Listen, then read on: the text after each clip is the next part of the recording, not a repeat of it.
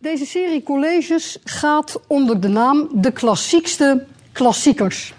En dat is een titel die in elk geval de helden uit het epos van Homerus denk ik wel aangesproken zou hebben.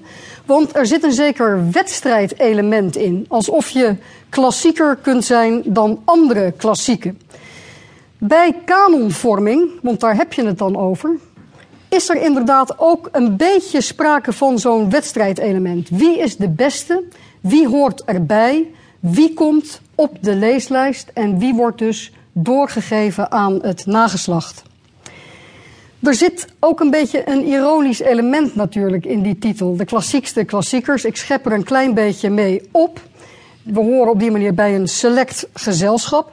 Klassiek zijn natuurlijk ook Shakespeare en Goethe. Niemand zal het bestrijden.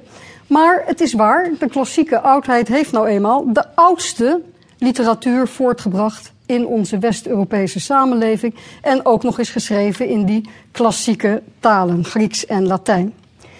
Nou hoeft dat helemaal niet te betekenen dat die literatuur een speciale plaats automatisch moet innemen. Ik vind als klassica dat je dat elke keer ook weer moet kunnen uitleggen waarom dat belangrijk is. En dat ga ik vanavond proberen. Maar de realiteit gebiedt ook om te zeggen dat het wel degelijk uitmaakt dat deze teksten al zo enorm lang meegaan. Dat ze al zo lang kanoniek zijn. Al die eeuwen hebben mensen kennis genomen van die literatuur. Ze hebben erover nagedacht, erover geschreven, de teksten geïmiteerd, verwerkt in andere kunstvormen. Kortom, we hebben al heel lang niet meer alleen die brontekst, maar we hebben alles wat daaromheen eraan gegroeid is. Geleerde literatuur, vertalingen. Er is gewoon fysiek meer. Er is niet alleen een tekst, er is een traditie. En al die auteurs die hebben zich laten inspireren door de klassieke oudheid. En die kun je zelf ook weer beter begrijpen als je kennis hebt genomen van die bronteksten zelf. En zo krijg je dan de figuur dat bepaalde teksten als het ware op een voetstuk komen te staan. Ze hebben een bijzondere status, ze nemen een bijzondere positie in. En dat kan zelfs betekenen dat als je erover praat, je heel graag wilt dat die teksten daadwerkelijk belangrijk, mooi en, en dan wordt het soms een tikje eng, zelfs waar zouden moeten zijn. Op dit moment is er weer erg veel roep om zo'n kanon, alsof die er niet altijd nog is, overigens. De kanon moet aangepast worden. Hij wordt wel erg gedomineerd door dode witte mannen, zoals dat dan heet. Kun je een kanon überhaupt aanpassen? Ja, dat gaat wel.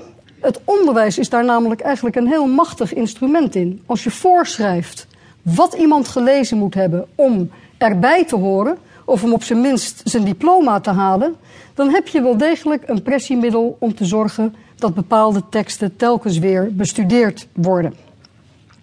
Maar traditie is ook, misschien juist bij onderwijs, wel heel erg zwaarwegend. Als je iets wilt innoveren in die kanon, dan merk je dat alleen als je weet wat er al was. En dan moet je dus toch weer kijken naar die teksten die al zo verschrikkelijk lang meegaan.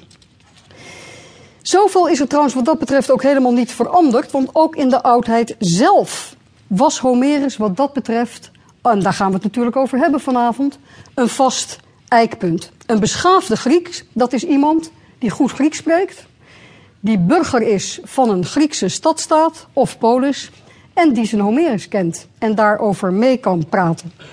En aan die tekst van Homerus werd ook echt een soort historisch gezag toegekend.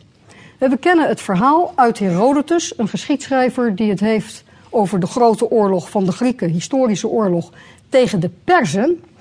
En die daar beschrijft dat de Griekse leiders uit Athene en Sparta hulptroepen zoeken. En daarvoor wenden ze zich tot de koning van Syracuse, koning Gelon. En ze zeggen tegen hem: Wilt u onze bondgenoot worden in de strijd tegen de Perzen?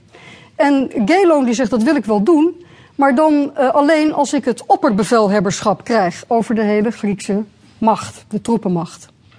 De Spartaanse gezant schrikt daar enorm van, want tot dat moment had hij namelijk althans zijn stad, uh, die oppermacht.